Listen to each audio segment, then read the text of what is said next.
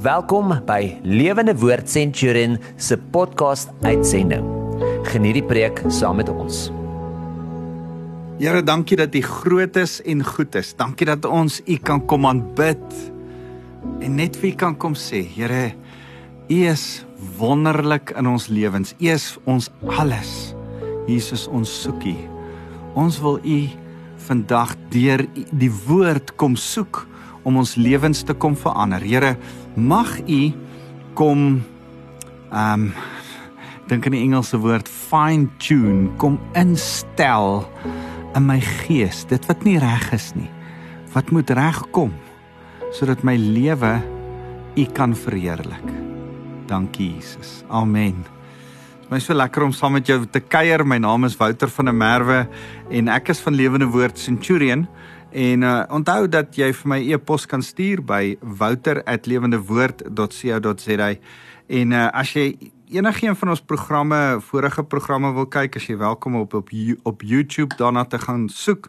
Ehm um, dis by Lewende Woord Centurion se YouTube kanaal en jy kan daarna verder kyk. Vandag wil ek vir julle hierdie interessante storie vertel in die in die in die uh burgeroorlog van Amerika in die 1860s toe die uh um die suide teen die noorde geveg het en die hoof geveg oor slawerny gegaan het het uh daar 'n uh, 'n uh, uh, kolonel Scott se vrou verdrink. Twee bote het te mekaar 'n uh, oorlogskip en 'n en 'n 'n passasiersskip het te mekaar gebots. Die passasiersskip het gesink en hierdie kolonel Scott se vrou het verdrink.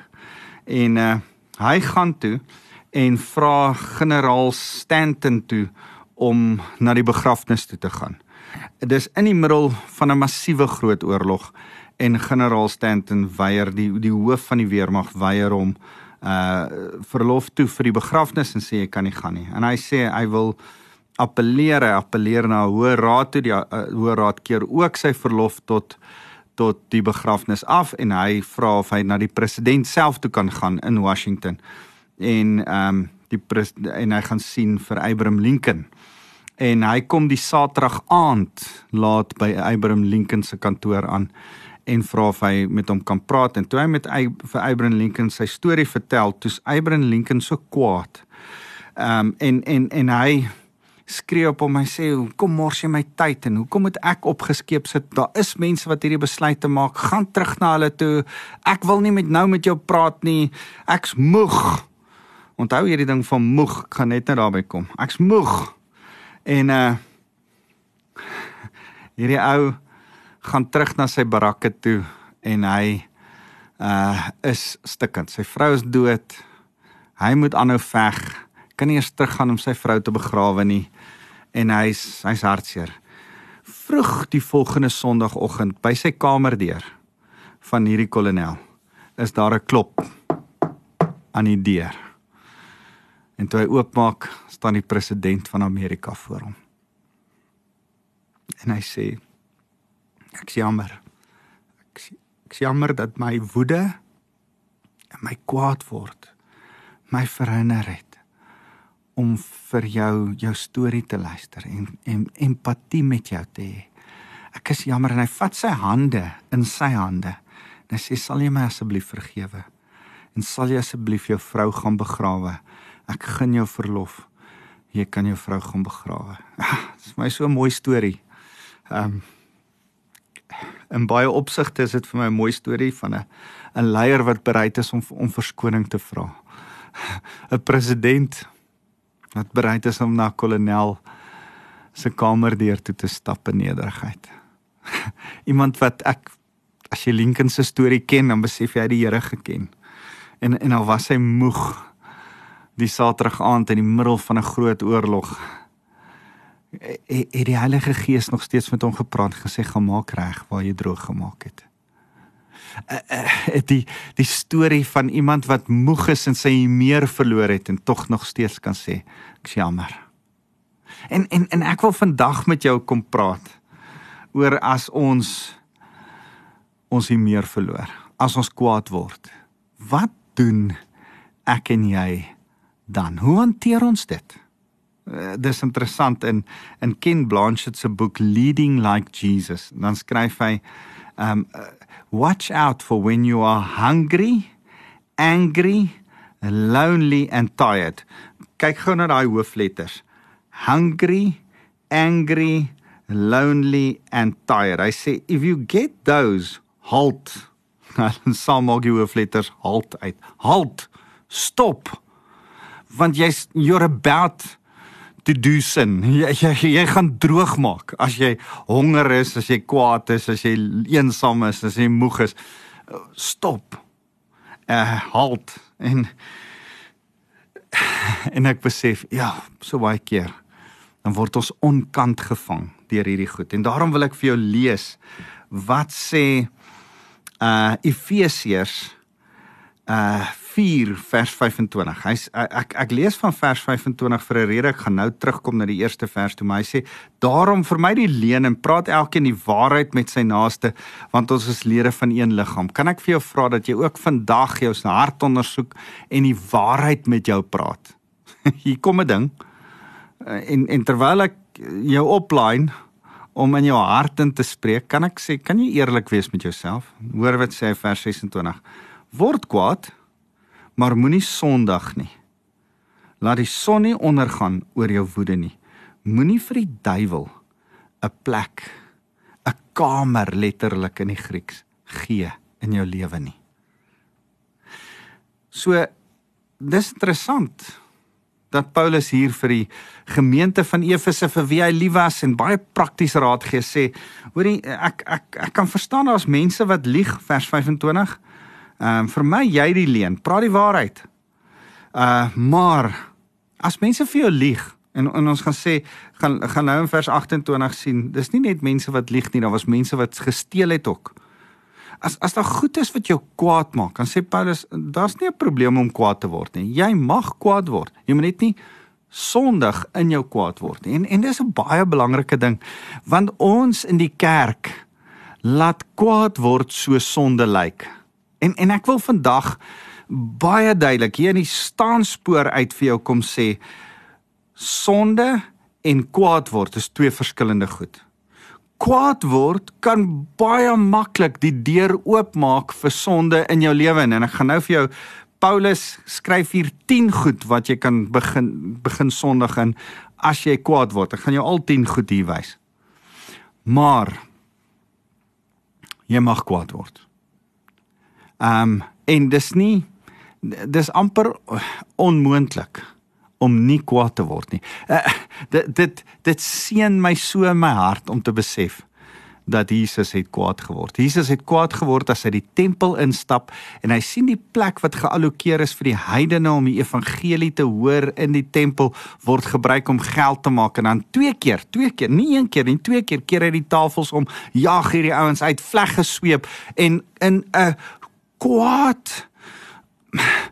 Vies ding dan sê hy nee ouens. Julle is wit gepleisterde grafte. Julle maak 'n rowersnes van die huis van God. En hierdie is veronderstel om 'n huis van gebed vir alle nasies te wees. Julle mis dit. Kwaad word vir die regte rede. So kan ek saam met jou weer na vers 26 kyk? Hy sê word kwaad maar moenie sondig nie. Hoe lyk dit as jy sondig Laat die son nie ondergaan oor julle woede nie. Dis die eerste plek waar ons kan sondig in uh in ons kwaad word. Dis as ons dit te lank laat aanhou. Daar's so 'n goeie ding van uh wat wat raad wat iemand my gegee het van moenie kwaad gaan slaap vir mekaar as jy getroud is nie. Ehm um, en in my eerste huweliksjaar as ek daai raad gevolg het, het ek dalk vir 'n week of wat nie geslaap nie. Uh ek het dit nie altyd reg gekry nie. Dit was nie vir my so maklik nie. Ek het in 'n huis groot geword waar my pa party daar partykeer vir 'n week lank dikpak kon wees. En ek het gedink dis hoe jy konflik hanteer. Jy kan so 'n bietjie dikpak wees vir jou vrou en haar so 'n bietjie laat skuldig voel en haar manipuleer met hierdie uh dik wange van jou. En en en toe loop ek my tromp op vas teen 'n vrou wat in 'n pastoor se huis groot geword het waar sy geleer het dat konflik moet hanteer word en uitgekommunikeer word. Man, my vrou het my ore van my kop af gepraat in die begin en gesê, "Gaan jy nie los totdat ons hierdie saak uitgepraat het nie. Vandag dink ek sy spyt het my geleer om konflikte hanteer deur te kommunikeer want nou praat ek met haar ore van haar kop af want ek los nie konflik tussen my en haar nie. Ek sorteer dit dadelik uit. Ek laat dit nie tande kry nie, ek laat dit nie hare groei nie. Ek sorteer 'n ding uit. En dis 'n les in my lewe. Die eerste ding, moenie die son laat ondergaan in jou woede nie. Moenie vir die duiwel 'n vatplek gee nie. Moenie jou hier meer verloor nie. Moenie moenie 'n demoniese plek van jou woede maak nie woede is 'n is 'n natuurlike reaksie. Jesus het ook kwaad geword. Maar moenie 'n plek maak waar jy demonies vir duiwel 'n vatplek gee nie. As, as jy besef dat as Satan nou jou getuienis kan steel, jou oneffektief maak, al jou kredietwaardigheid tot nul en van geen waarde maak nie dan sal dit wees om jou so kwaad te maak dat jy hier meer so verloor dat jy 'n 'n tantrum gooi. En dan sê mense, "Maar ek tog hy's 'n Christen." Ek ek tog daai ou dien Here. Kyk, kyk hoe gaan hy te kere. Ah, moenie dit doen nie. Dis dis nie waar ek en jy moet wees nie. Hoor wat sê hy verder. Hy sê uh vers 28: "Die een wat nog steel, moenie meer steel nie." Hy moet eerder werk deur met sy eie hande te doen wat goed is sodat hy iets het om vir die behoeftiges te gee. Ek dink dat die konteks van waar Paulus hierdie stukkie insit was deel van die kwaad word mense wat gelieg het vers 25 en mense wat gesteel het vers 28. En en en nou word die kerk ouens kwaad vir hulle. Eh, maar by dit dink ek Paulus sê ook hier van moenie entitled wees nie. Ehm um, moenie moenie jouself die reg voorbou om te dink ek mag maar kwaad wees. Ek mag maar dikbek wees. As jy weet wat sy aan my gedoen het, as jy weet wat daai taxi ryer aan, as jy weet wat die ou by die werk vir my gesê het, as jy as jy weet dat hulle my weer ingedoen het met my geld. En nou mag ek kwaad wees. Nee. Nee, moenie steel van jou getuienis nie. Moenie steel van die voorreg van genade wat die Here vir jou gee om verander te gee nie. Jy steel 'n ander ou se genade. Jy steel 'n ander ou se goeie nuus wat jy moet uitleef van hom. Steel jy? Moenie dit steel nie. Gee dit nog steeds vir hom, vrylik, want jy het dit vrylik gekry. So nou nou sê hy vers 29: Nie enkele afbreekende woord nie. So so laat ek net eers gou sê, ek wil jou die 10 goed wys. Onthou 10 as jy jou vingers uh, byhou. Eerste een, Moenie te lank sondig nie. Moenie die son laat ondergaan nie. Tweede een, moenie die duiwel 'n plek gee nie. Moenie jou meer verloor nie. Die derde een, moenie steel nie. Moenie moenie ehm um, entitled wees. Moenie sê, "Man, ek, jy verstaan nie, ek mag kwaad word." Moenie daar moenie daar gaan nie. Die vierde een, vers 29. Nee, enkele afbreekende woord moet uit julle mond kom nie, maar eerder 'n woord wat goed is vir die noodsaaklike opbou sodat dit 'n voordeel mag bring vir diegene wat dit hoor. Skryf gou daar langs aan in jou Bybel taxies. Maar dis wat ek moet doen. Uh nie 'n enkele afbreekende woord nie. Moenie hom 'n idioot noem nie. Moenie hom een of ander vloekwoord toesnou nie. Afbreekende woorde is vloekwoorde. Afbreekende woorde is kritiek vir die een vir wie jy kwaad is. Afbreekende woorde is daai sarkastiese skerp goedjies wat jy sê om 'n ander ou op sy plek te sê, te sit. Afbreekende woorde is is goed wat lelik in 'n ou se karakter inklim wat nie nodig is om gesê te word. En nou sê Jesus, as jy kwaad raak vir iemand, Paulus, as jy kwaad raak vir iemand, moenie afbreekend praat nie. Jy's gemaak om te seën en nie te vervloek nie. En en en ek wil weer vir jou sê, Jesus het elke vloek gebreek, gesê ons leef nie meer onder deur as gevolg van saam met die vloek nie. Vloeke en vervloeking, twee verskillende goed. Moenie uit jou mond uitkom nie, maar seën. Van nou af gaan jy net mense seën en goedheid oor hulle uitspreek.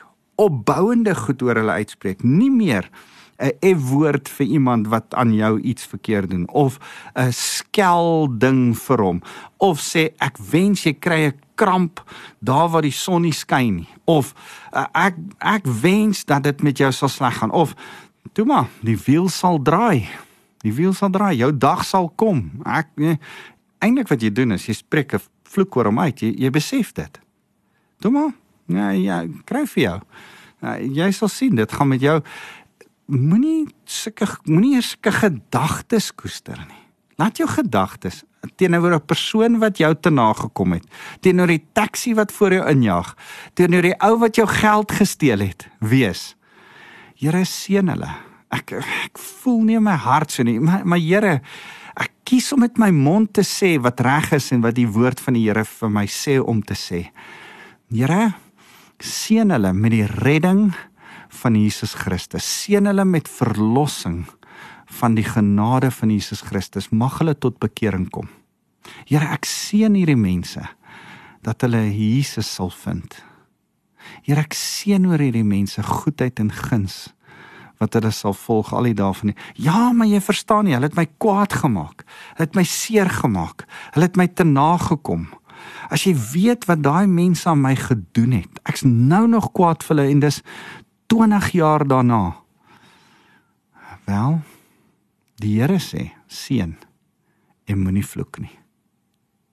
Ek ek wil jou kom aanbeveel. Luister vir wat die Here sê. Moenie moenie luister vir wat ek sê nie. Luister na die Bybel. Hy uh, moenie een af afbreekende woord uit jou mond laat kom nie. Maar eerder woorde wat goed en noodsaaklik is vir die opbou sodat dit voordeel mag bring vir diegene wat dit hoor. Besef jy dat as jy in die kar ry en jy vloek 'n taxi drywer, hoor jou kinders of jou kleinkinders dit, nie die taxi drywer nie. Ehm um, pas op vir wie jy ander mense sleg sê. As jy op die nuus die TV en daar kom 'n ou met 'n rooi hoed, rooi kepsie en hy sê sing 'n liedjie wat jou kwaad maak en jy sê sekere goed vir hom. Dis nie hy op die TV wat jy hoor nie. Dis die mense saam met jou in die vertrek waarvoor jy lief is, wat lief is vir jou, wat hoor afbreekende goed kom uit jou mond en nie opbouende goed nie. Seën hierdie ou. Seën seën hom as hy sê hy kan so sing vir politiek, mag hy so sing vir die naam van Jesus. Here mag elke ou met 'n rooi kepsie in Suid-Afrika en 'n rooi overall in ons par parlement nog tot bekering kom en van Jesus bly vertel en die goedheid van die Here kan getuig. So die volgende een, die vyfde een wat ek jou wil leer van hierdie 10 goed hoe jy sondig as jy kwaad word. Sê hy vers 30 en bedroef nie die Heilige Gees van God nie. Besef jy dat ek en jy is 'n getuienis van verlossing. Ons ons hele lewe is 'n storie. Jesus se genade het my gered. Ek was 'n sondaar, nou sulke verloste Jesus het my gered. Maar as jou getuienis weggesmy word deur jou woede en die uitbarsting van woede en jou hoe meer wat jy verloor, dan um, is die Heilige Gees kry die Heilige Gees nie meer kans om inpak in daai ou se lewe te maak wat die Here jou voorstuur by die werk, by die braaivleisvuur, by die op die pad nie. Nou nou as jy nou bedroef jy die Heilige Gees want jy wys nie meer die liefdevolle genade van Jesus nie. So moenie dit doen nie. Die sesde ding en bedroef nie die Heilige Gees deur wie jy met die oog op die dag van bevryding verseël is nie. Laat vaar alle bitterheid. Bitterheid Hebreërs 12 vers uh, uh, uh, 15 daar ons sê dat dat moenie toelaat dat daar 'n wortel van bitterheid in jou hart sit nie. Bitterheid is begin by onvergewingsgesindheid. Iemand het eers in jou lewe iets aan jou gedoen en jy was kwaad en saam met die kwaad het jy bitter geword. Het jy besluit ek gaan hom nie vergewe nie. En en en praat die Bybel van 'n wortel van bitterheid en hierdie wortel ontkiem en gaan groter in 'n plant en hierdie plant dra vrugte en dis nie die vrug van die Heilige Gees wat daar uitkom nie. Inteendeel. Dis die vrugte van bitterheid wat jou lewe verbitter. Moenie bitter wees nie. Deel met die onvergewingsgesindheid in jou hart wat gebeur het die oomblik toe jy kwaad geword het, al was dit 30 of 40 of 50 jaar terug. Jy moet een of ander tyd nou vergewe. Die Here het jou vergewe die dag aan die kruis. Die Here het jou vergewe. Kan jy nou ophou met jou kwaad wees en ook vergewe? So laat vaar alle bitterheid. Laat vaar alle woede, sê vers 31. Woede is daai uitbarstings, daai tantrum, daai skree, daai laat vaar alle woede en die gramskap. Die die agste ding is gramskap. Toe ek nou gaan kyk na hierdie woord, hoe gaan dit eintlik oor die die fisiese uiting aan aan jou woede gee. Ek ek gaan kuier as 'n jong seun, ek so staan dit 4, wat is dit nou graad 6. Ehm um, gaan kuier ek by 'n maatjie en en en toe ons sy huis kom, het al die deure sulke gate in, sulke groot gate. En ek vra vir hom: "Julle huis is snaaks. Hoekom het julle deure sulke gate in?" Sy nee, so skam skam sê hy: "Nee, as my pa kwaad word, dan slat hy die muur, dan slat hy die deure, dan slat hy die vensters. Uh, hy raak so kwaad. Hy haal sy woede op alles uit en ek dink Here, dankie vir my pa wat miskien net dikbek raak maar nie nie goed uithaal op goed nie. Sy gramskap, sy kwaad uithaal op goed nie. Dis wat gramskap beteken. Dis ja, vuiste lig vir iemand as jy 'n eh, stuk goed stuk inslaan gramskap. Hy sê laat vaar alle bitterheid, laat vaar alle woede, laat vaar alle gramskap, laat vaar alle geskreeu. Moenie skree op mense nie. Moenie op hulle skree nie moenie vir hulle skree nie. Uh dis nie van die Here af nie. Dis sonde in jou kwaad. Word kwaad. Maar moenie skreeu as jy kwaad word nie. Bly rustig. Moenie skreeu op WhatsApp nie. Jy, jy weet mos wat skreeu op WhatsApp as jy hooflettertjies begin tik. Uh bly met die klein lettertjies. Moenie begin skree nie. Wees rustig. Wees rustig. My dogter sê altyd vir my: "Pa, moet nooit aan daai rooi gesiggies raak." by WhatsApp nie. Dit dit dit hoort nie daar nie. Jy weet daai emoji se rooi gesig gee nie. Een vir al die enetjie met die vloekwoordjies so. Nee, bly weg. Moenie skree nie.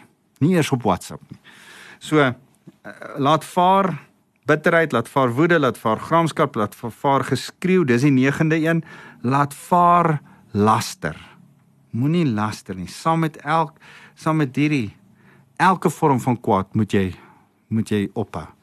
Kom ons praat gaan net oor die laaste een, die 10de een laster. In in jou kwaad word, moet jy nooit sê ek in in in die naam van die Here bestraf ek jou. Nee, moenie die Here in jou kwaad word inbring nie. Of die die die, Here het my gewys jy, jy gaan dit en dit en dit die die die interessante ding is die die tweede gebod, uh die die derde gebod. Moenie die naam van die Here uitelik gebruik nie. Ons dink dit dat een of ander ou Jesus sê in die middel van 'n sin, dan het hy die naam van die Here uitelik gebruik. Dis nie eintlik die woord uitelik gebruik nie. Wat wat uitelik gebruik is beteken in in die konteks van wat daar staan in die in die derde gebod is dat jy die naam van die Here koppel aan iets om jou saak te laat gewig dra. So kom ek gee 'n voorbeeld. Ek sien hierdie mooi bakkie. Ja, dis 'n mooi bakkie. Nou wil ek hierdie bakkie koop en en nou like ek hierdie bakkie kwai. Nou kom ek by my vrou en sê, "O, oh, die Here het vir my gesê ek moet hierdie bakkie koop." Nee, nonsens. Ek like net die bakkie. Ek wil hom net koop. Die Here het niks gesê nie. Maar nou sit ek sy naam aan my begeerte en nou gebruik ek sy naam uitelik. Of jy sê uh hoorie by die werk um het het jy 'n plan en jy het 'n idee, jy het sommer 'n goeie plan en nou sê jy hoorie die Here het my hierdie plan gegee. Nee, miskien het die Here jou nie hierdie plan gegee, miskien was dit net 'n goeie plan. Los die Here hier uit. Ons ons sit baie keer in die kerk te veel die Here se naam by ons eie goed en dan gebruik ons die naam van die Here uitelik. Wees dapper om genoeg om te sê ek dink hierdie is my plan. Ek's onder die inspirasie van die Heilige Gees altyd terwyl ek leef want hy woon in my. Galasiërs 2:20 sê is nie meer ek wat leef nie, maar Jesus Christus wat in my leef. So as die Here in my leef, dan skep hy deur my. Dan is daar inspirasie deur my. Maar uh, dis gevaarlik om te sê hierdie idee is sy idee, want dan forceer ek ander mense om sy idee te moet uitvoer. Hierdie hierdie ding wat ek wil hê.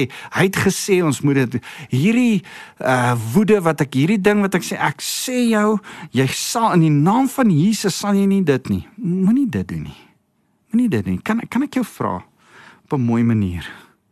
Net soos wat jy nie die Here se naam betrek by 'n ding nie. In jou woede moenie goed sê soos gaan jou skei nie. Want jy kan dit nie weer terugtrek nie. Moenie met jou mond Sondag nie. Moenie in jou woede vir jou kinders sê wil jou nooit weer in my huis sien nie. 'n Ouer moenie sy kinders se huis verbied nie. Ek het al gedink, wat is die ergste ding wat my drie dogters aan my kan doen? En ek deur al die ergste ergste scenario's gegaan en gesê so my kinders enigiets van hierdie goed doen. Here mag ek dan die genade hê om nog steeds vir hulle te sê jy bly my kind. Bly lief vir jou. Jy's altyd welkom in my huis kan ek vir jou sê dink oor hierdie goed. Dink daaraan dat jy nie terugval na default van hier meer verloor, kwaad word, vloek, skel, uh sleg sê nie. Maar dat jou default deur die gees van die Here Galasiërs 5 vers 22 dat die gawes van die die gawe van die Heilige Gees van liefde jou hart so deurdrink dat jy nie anders te kan om in die gees te opereer. En as mense dan as jy kwaad word daar liefde uit jou lewe uitvloei in steede van slegheid jou lewe uitvloei opbou in sleg van in, in plek van afbreek nie kan ek jou aanmoedig Jesus sê uh, Paulus gou aan sê Jesus, maar dit Paulus wat sê in Efesiërs 4 vers 32. Nou nou, nou kom sê hy drie goed. Hy 10 goed ge, gesê wat die sonde is wat jy doen as jy kwaad word. Nou sê hy drie goed wat ons moet doen. Hy sê wees goedgesind teenoor mekaar met innige meelewing terwyl julle mekaar vergewe soos God in Christus julle ook vergewe het. Kan ons gou praat oor daai drie? Wees goedgesind. Wees nice met mense. Laat jou default goed wees, nie sleg nie. Wees met mekaar, hê met mekaar in 'n gemeelewing. We, we, weet jy wat? Ek ek sien Christene wat op Facebook met mekaar beklei oor die simpelste goed. En dan sê hulle mekaar sleg en klim in mekaar se karakter in. En ek dink die probleem wat hier is, is hulle ken mekaar nie. Hulle sien net so 'n fotootjie van mekaar, so klein fotootjie van mekaar en dan het hulle ver genoeg afstand van mekaar om vir mekaar sleg te sê, te kritiseer. Uh harte wees teenoor mekaar. En ek dink sê nou maar, hulle het langs mekaar gestaan. Sê nou hulle het gemee leef. Saam met mekaar geëet. 'n Dag spandeer. 2, 3 dae spandeer. Sê nou maar hulle was saam in dieselfde kerk. Sê nou hulle het saam gemee leef. So hulle mekaar nog steeds so hard aangevat het. En en en dis wat Paulus hier probeer sê, hê in 'n gemeelewing sommer met al die ander gelowiges om jou. Moenie beklei met elke ou op Facebook nie. Los dit. Moenie as jy kwaad raak op Facebook, hoef jy nie te antwoord nie. Jy besef dit. Ek ek voel ek praat nou met iemand hier. Jy hoef nie te antwoord nie. Jy kan stil bly ook. Hê meelewing met mekaar. Hoor wat sê hy dan? Volg dan die voorbeeld van God 5 eh, vers 1. Volg dan die voorbeeld van God as geliefde kinders en leef in liefde net soos Christus ons liefgehad het en homself ter wille van ons oorgegee het as 'n offergawe aan God, as 'n offerande met 'n aangename geur. Kan jy jou woede vat en sê Here, ek's eintlik 'n offer. En en kan ek dit offer vir U? Want U het 'n of was 'n offer vir my. Ek hoef nie kwaad te word nie. Ek hoef nie te sondig in my kwaad word nie. Ek het self beheersing. Kom ons bid saam. Here baie dankie dat U ons vandag 'n praktiese ding uit die woord uit leer. Vir my terwyl ek hierdie preek leer U my om nie te sondig in my kwaad word nie. Here, daar's 'n tyd om kwaad te word soos wat U in die tempel kwaad geword het. Daar's 'n tyd om te staan vir die regte ding. Om te sê dit kan nie langer so aangaan nie.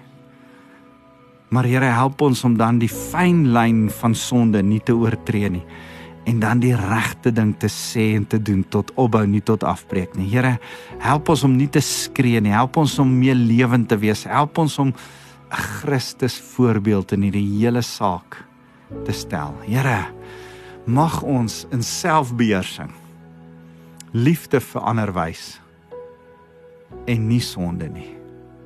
Here, daarom kom seën ek elkeen wat nou na my luister. Mag hulle die teenwoordigheid van die Heilige Gees ervaar.